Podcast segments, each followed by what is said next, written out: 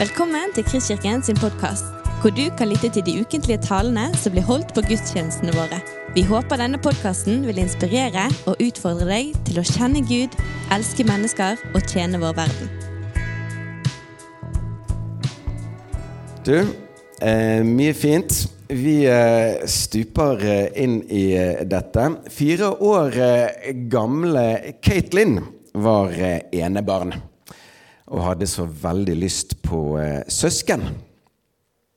En eh, morgen foreslo hun for eh, moren at kanskje de to skulle sette seg ned sammen og be høyt til Gud. Kanskje han da ville høre de. Da de var ferdige å be, så Katelyn forventningsfullt på moren. Hva sa han?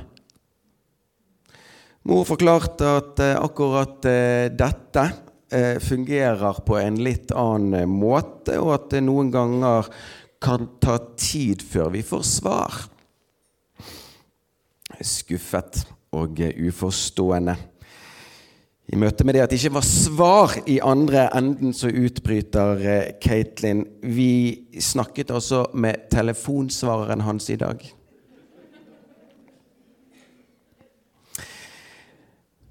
Bønn er en fantastisk sak. En gave gitt av Gud. Men eh, som eh, Katelyn fikk eh, nærkontakt med, så er ikke bønn alltid rett fram. Det vet Jesus. Så han forstår vårt behov for å bli oppmuntret i vårt bønneliv. Derfor delte han en lignelse med sine bedende etterfølgere en gang, som nok kunne kjenne på både trøtthet og mismot når det dryget med svar. Og eh, akkurat det er gjerne ikke så vanskelig å eh, kjenne seg igjen i for eh, oss. Og dermed så blir jo Jesu ord ikke bare interessant for oss, men også relevant for oss. Og I dagens tale, som er del to i vår taleserie bønn, skal vi se på lignelsen om enken og dommeren. Og Lukas som eh, skriver denne ned, han skjuler ingenting i opptrappingen eh, til lignelsen. Hovedpoenget med det som kommer nå, røpes med én gang. Han, altså Jesus, skriver Lukas, sa en lignelse til dem om at de alltid skulle be og ikke bli trette. Og vi leser videre Jesu altså, leser videre Jesu egne ord, nedfelt da i Lukas 18, 2-8. Det var en dommer i en by som ikke fryktet eh, Gud og ikke tok hensyn til noe menneske. Og det var en enke der i byen.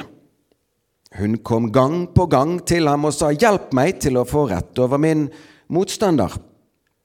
Lenge ville han ikke, men til sist sa han til seg selv, 'Om jeg verken frykter Gud eller tar hensyn til noe menneske', så vil jeg likevel hjelpe denne enken til å få rett, fordi hun bryr meg slik, ellers kommer hun vel til slutt og slår til meg.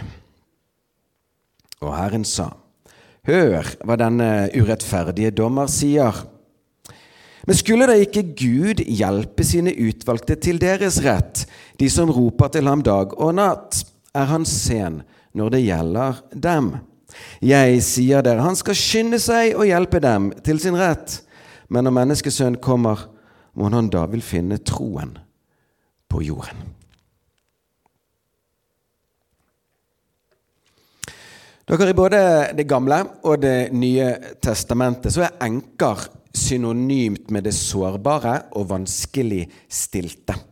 Allerede like etter kirkens fødsel på pinsedag så utviste menigheten ekstra omsorg for enker. Kallelsen av de første diakoner finner sted i anledning matutdeling til enker. Apostles gjerninger 6. Paulus skriver også til Timoteus at kristne fellesskap skal ha et særlig øye for enker. Og i 5. Mosebok 10, 18 står det til og med at Gud er en som hjelper enker til deres rett. Og folket skulle dermed gjøre likeså. Det er en rød tråd i Det gamle testamentet at enker og farløse skal det jødiske folk ta seg av og ære og overhodet ikke utnytte. Men her har vi en enke som synes å være utnyttet. Hun opplever i alle fall at eh, veldig urett har eh, blitt hun til del, så hun oppsøker en dommer for å få hans hjelp i møte med sin sak.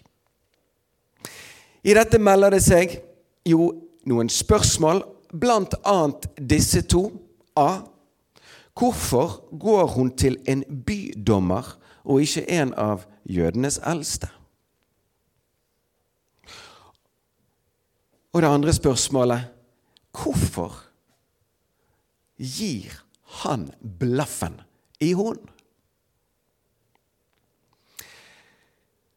På denne tiden her, som eh, denne lignelsen fortelles, så er Israel okkupert av romerne.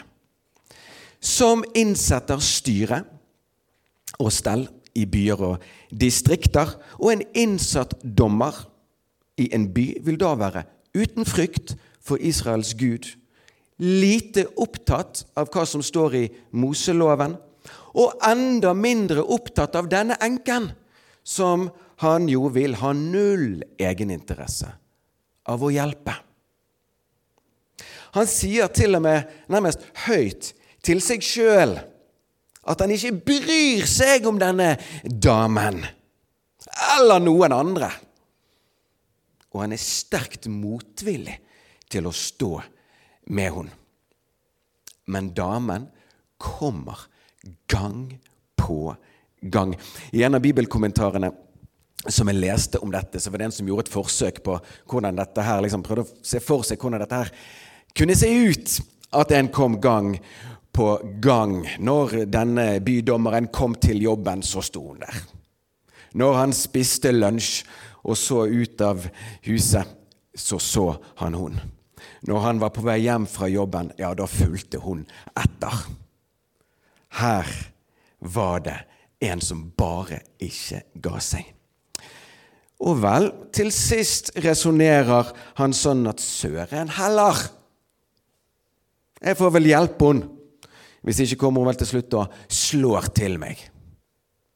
Ordet som her benyttes, er faktisk på grunnteksten det samme som å gi et blått øye. Så Jesus maler opp et bilde av en svært intens og pågående dame. Så han hjelper til slutt, og så sier Jesus, 'Hei! Når til og med denne karen her hjelper' som har null omsorg, ingen handlelyst, og heller ikke kjenner damen. Hvor mye mer vil da ikke Gud stå med sine barn, som han kjenner og er glad i og ønsker å bistå? Og denne hvor mye mer-måten å kommunisere på om Gud hadde Jesus gjort før. Når disiplene hadde spurt han om nettopp bønn noen kapitler tidligere i Lukas her Hvem av dere som er far, vil gi sønnen sin en stein når han ber om et brød? Eller når han ber om en fisk, gir han en orm i stedet for fisken? Eller når han ber om et egg, gi han en skorpion. Hvis da dere som er onde, vet å gi barna deres gode gaver, om hvor mye mer skal da den himmelske Far gi Den hellige ånd til den som ber ham? Og i Matteus står det gi gode gaver til den som ber han. Vi som er småbarnsforeldre. Altså, dette her er ganske morsomt, faktisk, å leke med barna sine. Liksom liksom, si at 'dette her sa Jesus'. Ok, Olea på syv. Vet du hva? Ville vel vært sånn at hvis du ber meg om et brød, så tenker jeg La meg få gå ut og hente en stein. Og hun syns jo sånne ting er ganske morsomt. Men Jesus bruker dette som et poeng. Når dere som er onde, vet å hjelpe og gi, hvor mye mer? Dette er en måte Jesus kommuniserer på. Og vi ser i både disse versene her og i dagens lignelse dere, at Jesus kjernesak og hovedpoeng når det kommer til bønn, er å gjøre oss trygge på hvem våre bønners mottaker er. Hvem er han, denne våre bønners mottaker? Og det er som om Jesus vet at den viktigste faktor når det kommer til utholdenhet i bønn, er at vi har et sant og rett bilde av Gud. Så han gjør en fiffig ting. Han maler opp et bilde av en karakter som er Guds rake motsetning, for å tydeliggjøre for oss hvem han er, og hvordan han er. I denne lignelsen finner vi flere likheter mellom enken og oss øvrige bedere. Vi er gjerne som hun i en fortvilt situasjon. Med utfordringer som ikke står i vår makt å fikse sjøl. Så vi oppsøker en vi vet kan hjelpe oss med vår sak. Prisgitt dennes hjertelag og vilje. For hva kan vi vel egentlig bringe til vår hjelper annet enn vår bønn. Men om, men om det er likheter mellom enken og oss andre bedere her, så er det veldig få likheter mellom denne dommeren og Gud. Denne dommeren er urettferdig. Gud er rettferdig. Dommeren tar ikke hensyn. Gud er full av omsorg. Dommeren er selvisk. Gud søker ikke sitt eget. Dommeren er motvillig til å hjelpe. Gud er helt motsatt. Dommeren lar seg ikke bevege av hennes nød. Det gjør Gud. Dommeren er treg og vrien å få på lag. Slik er ikke Gud. Dommeren er en distansert og formell fyr. I møte med Gud er det nær relasjon. For dommeren er enken en ukjent blant mange, for Gud er de som ber utvalgt av Han blant mange. Og Det er som om Jesus med dette sier til sine venner og alle trette bedere det er lett at gudsbildet forvrenges i møte med at bønnesvar uteblir. Det er veldig lett å tenke at han ikke bryr seg. Det gjør han! Det er lett å tenke at du må overtale han. Det trenger du ikke gjøre. Det er lett å tenke at han må få hjerte for deg og din sak. Det har han. Det er så lett å få et bilde av Gud.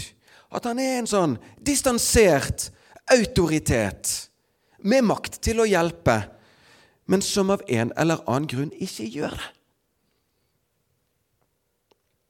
Men i møte med Gud vil det aldri handle om manglende omsorg.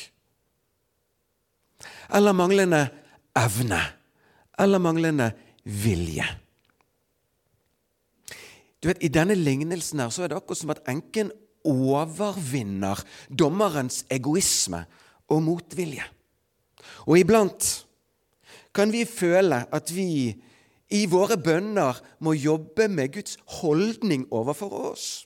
Men det trenger vi ikke bruke krefter på, sier Jesus her.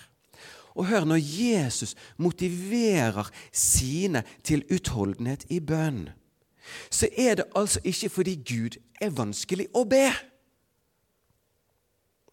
men det motsatte. Vi kan være utholdende fordi han er lett å be. Fordi han er for oss, med oss, på vårt lag. Bare fortsett å be. Han ser vår sak og bruker sine krefter på vår nød, for å sitere Ole Hallesby. Hvordan det svares, vet ikke alltid vi. Iblant er ting like uforståelig som for Katelyn på fire år.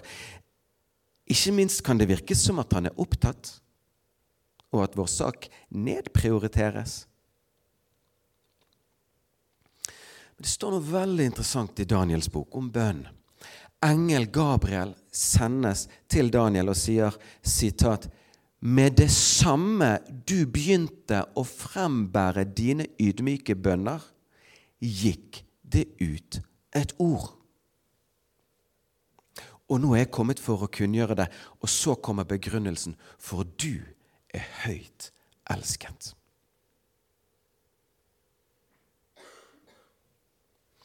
Og her fungerer jo Daniels bønner nærmest som en unnfangelse. Noe blir til. Noe blir skapt. Et ord går ut med det samme du begynte å frembære dine ydmyke bønner. Det skjer noe når vi ber. For Gud er ikke vanskelig å be. Og Gud er ikke vanskelig å be til. Men noen ganger tar det altså tid, som det også står om i Daniels bok. Og i enkelte tilfeller må vi vel kunne få lov til å si dette om bønn. Det tar tid fra unnfangelse til fødsel. Så dere, det Jesus gjør, er at han løfter fram et sant bilde av Gud for oss. Men så løfter han også fram for oss et forbilde for bedere. Et forbilde for bedere i sin menighet, nemlig en dame som bare ikke ga seg i bønn. Heldigvis handler det ikke om å mase fram i Gud en prioritering av vår sak. Men det er like fullt sånn at utholdenhet er et viktig prinsipp i bønnens verden. For den enkeltfaktor i denne enken som Jesus aller mest fremhever eller fremløfter, er ikke at hun oppsøkte en som kunne stå med og hjelpe i møte med hennes sak. Det var det kanskje flere som gjorde. Den kvaliteten som skilte denne damen fra en god del andre, var at hun kom gang på gang. Og i dette er hun et forbilde for oss. Så er det nydelig at vi har ikke bare forbilder i Skriften. Vi har òg forbilder iblant oss. En av de er min svigerinne Eirin. Hun er med oss her i dag og har sagt ja til å dele fra sin reise med oss om nettopp dette med utholdenhet i bønn. Vær så god, Eirin.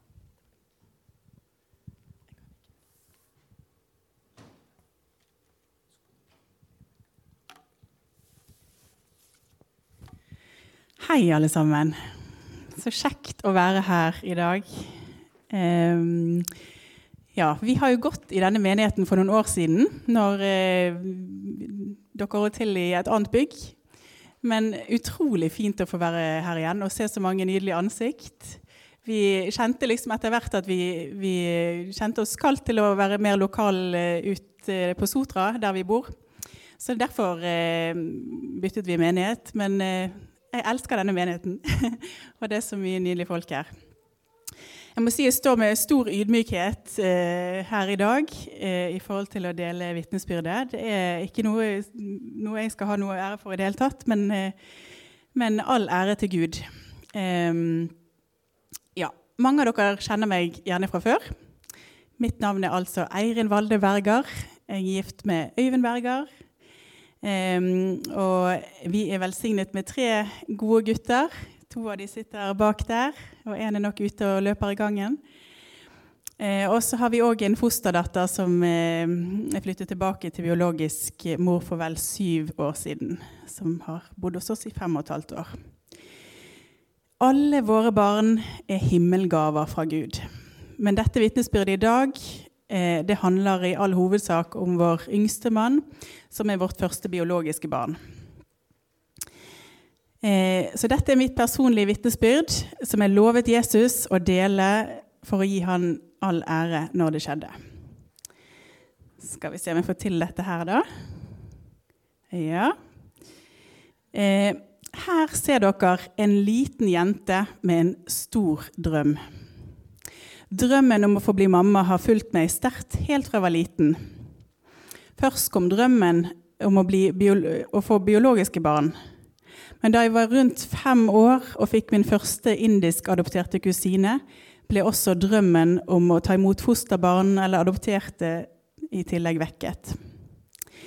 I ungdomsårene, mens venninner gjerne så etter ting til seg sjøl i butikker, og sånn, kunne jeg like gjerne finne meg sjøl i barneavdelingen og gå der og drømme. Jeg kjøpte også en del babyklær og utstyr for å ha liggende til den tid kom. Så det fikk Øyvind med seg et par poser inn i ekteskapet med det. Så var det da altså 11. juli 2003. Da giftet Øyvind og jeg oss. En stor, stor dag. Og dette bildet er faktisk tatt av Einar Helgås, som går her. Um, vi ventet eh, tre år med å tenke inn mot barn, sånn at jeg kunne få fullført studiet. Men drømmingen fortsatte. Og navnevalg var f.eks. et tema som vi ikke så sjelden pratet om hjemme hos oss. Når jeg hadde fullført studiet, finner vi ut at jeg har en hormonforstyrrelse som gjør det vanskeligere å få barn. Det var som om hjertet mitt ble knust.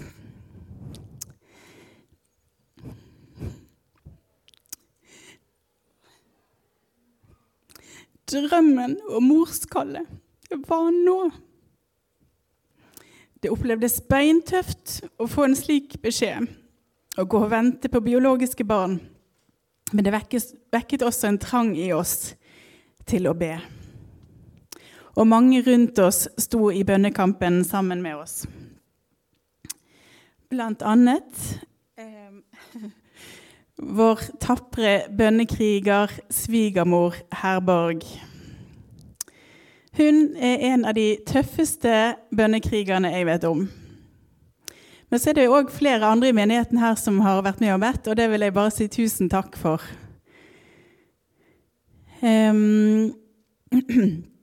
Etter hvert opplevde jeg å bli gravid, uh, men jeg kom med tiden ut av tellingen på antall spontanaborter.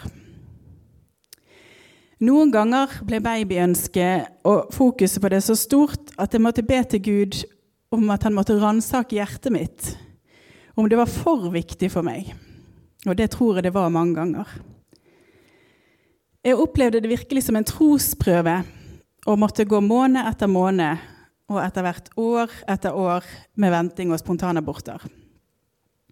Jeg kunne kjenne meg godt igjen i utdrag av Davids ord fra Salmene 13, vers 2-6, der han sier Hvor lenge, Herre, vil du glemme meg for evig? Hvor lenge vil du skjule ditt åsyn for meg? Hvor lenge skal jeg huse sorgfulle tanker i min sjel og har sorg i hjertet hele dagen? Hvor lenge skal fienden opphøye seg over meg? Se hit og svar meg, Herre, min Gud, oppklar mine øyne. Så står det litt seinere der. Men jeg setter min lit til din miskunnhet. Mitt hjerte skal fryde seg i din frelse.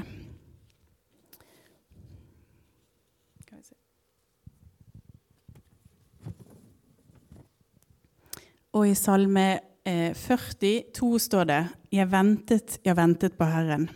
Da bøyde han seg til meg og hørte mitt rop. Noen ganger i livet kan man oppleve at det er noe man må gi slipp på. Men Øyvind og jeg opplevde ikke det i forhold til biologiske barn.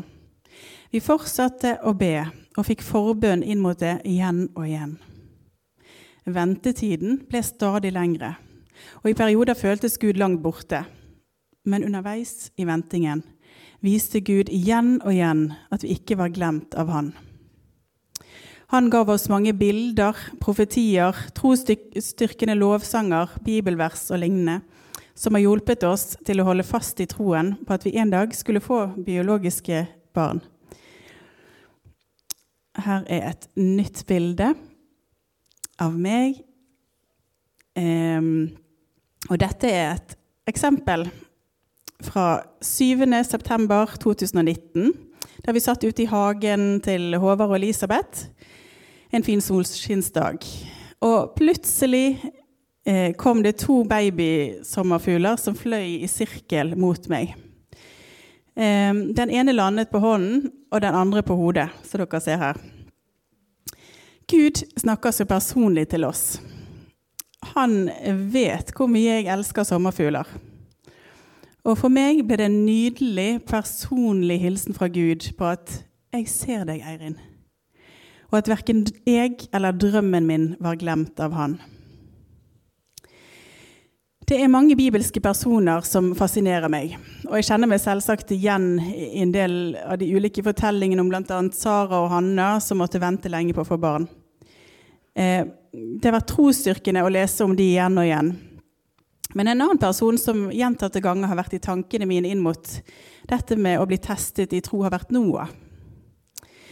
I Hebreerne 11,7a står det Ved tro bygde Noah i hellig frykt en ark til frelse for sin husstand, etter at han var blitt varslet, varslet av Gud om det som ennå ikke var sett. Det handler om å holde fast på det vi har fått tro for. Vi opplevde Gud hadde gitt oss tro for at vi, vi i tillegg til de nydelige fosterbarna som vi fikk underveis, ville få biologiske barn. Noah gav ikke slipp på det han opplevde Gud hadde sagt til dem, til han, selv om ting tok tid, og mange rundt han ikke trodde. Dette kjente jeg var noe som ga gjenklang hos meg.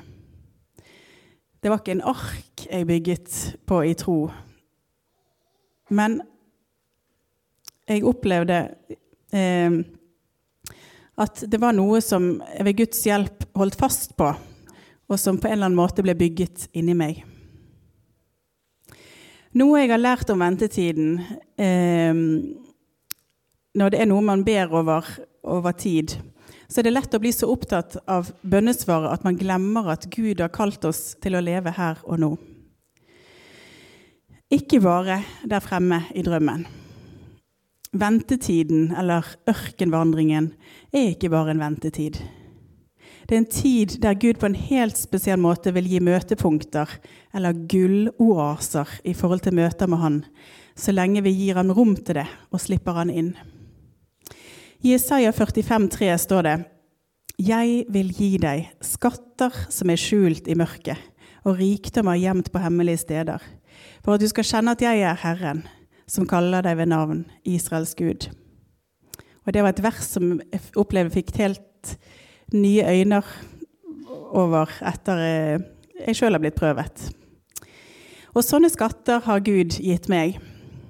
Selv om jeg på en måte ville vært foruten den lange ventetiden, så ville jeg ikke vært foruten møtene med Jesus.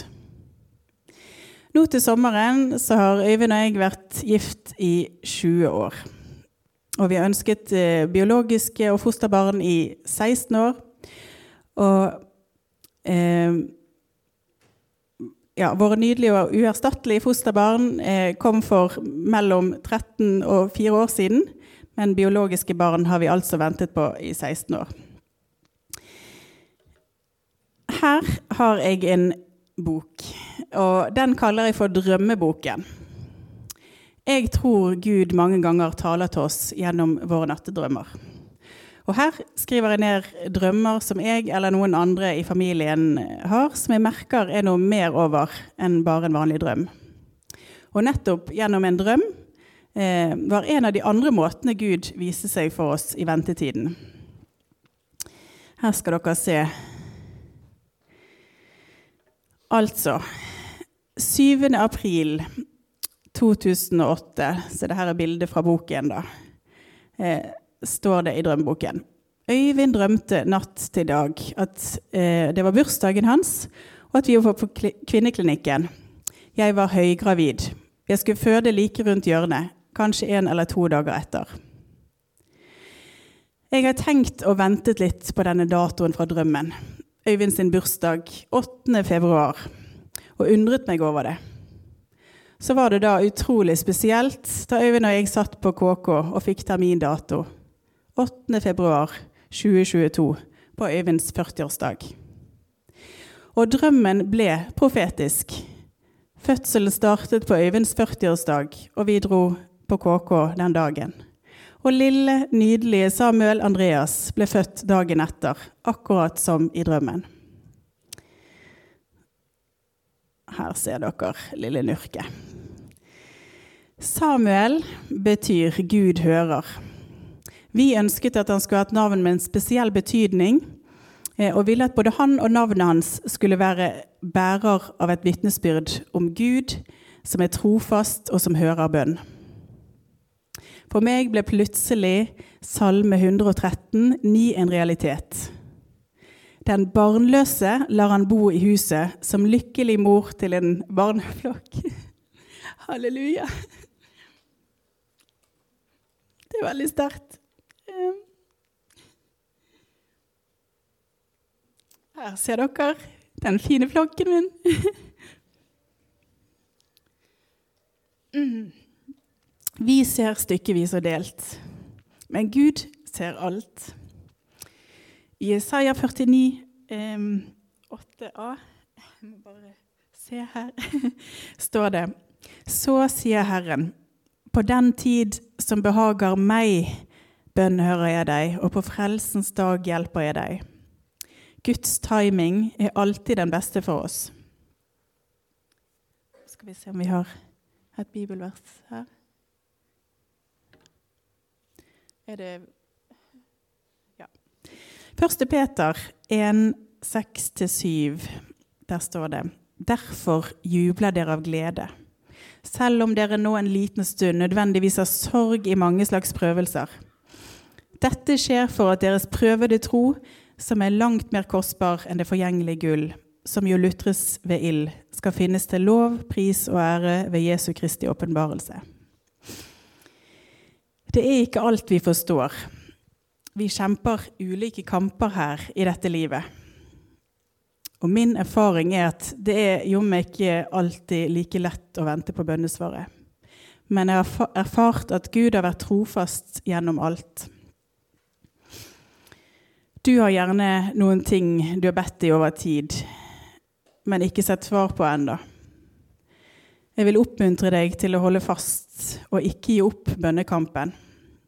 For mirakelets tid er ennå ikke forbi. Vi leser to eh, vers her til slutt. 1. Johannes 5, 14-15. Eh, og dette er vår frimodige tillit til ham, at han hører oss når vi ber om noe som er etter hans vilje. Og når vi vet at han hører oss, hva vi enn ber om, så vet vi at vi allerede har det vi har bedt ham om. Og så Jeremia 33, 33,3. Rop til meg og jeg vil svare deg, jeg vil forkynne deg store og ufattelige ting, ting som du ikke kjenner. Så det er ikke sånn at han kanskje kommer til å svare, eller kanskje kommer til å forkynne oss store og ufattelige ting, men det står at han vil gjøre det. Jeg bare har lyst til å be en liten bønn. Kjære Jesus, takk for bønnens gave. Takk for at du har gitt oss muligheten til å, til å prate med deg og til å, å, øse ut av vårt hjerte for deg, Herre. Og takk for at du vil svare, Herre. Selv om det noen gang kan drøye, Gud, så, så vil du svare. Og må du gi oss tålmodighet til å stå i bønnekampen, til å be for syke, til å be for ufrelste, til å be om gjennombrudd, Herre, der det trengs. Og Jesus, la oss bare få se at du gjør stadig nye mirakler i våre liv, i andres liv, Jesus. Gi oss mer av bønnens ånd, og, og forløs troens gave i oss. La oss få be bønner etter ditt hjerte, Herre. Og bare få vandre i dine ferdiglagte gjerninger i forhold til både bønn og, og det å se det du gjør rundt omkring oss i vår hverdag, eh, i heimen, på jobb, i menighetsliv. Jesus, bare gjør store ting langt utover det vi kan forvente, Herre. I Jesu navn. Amen.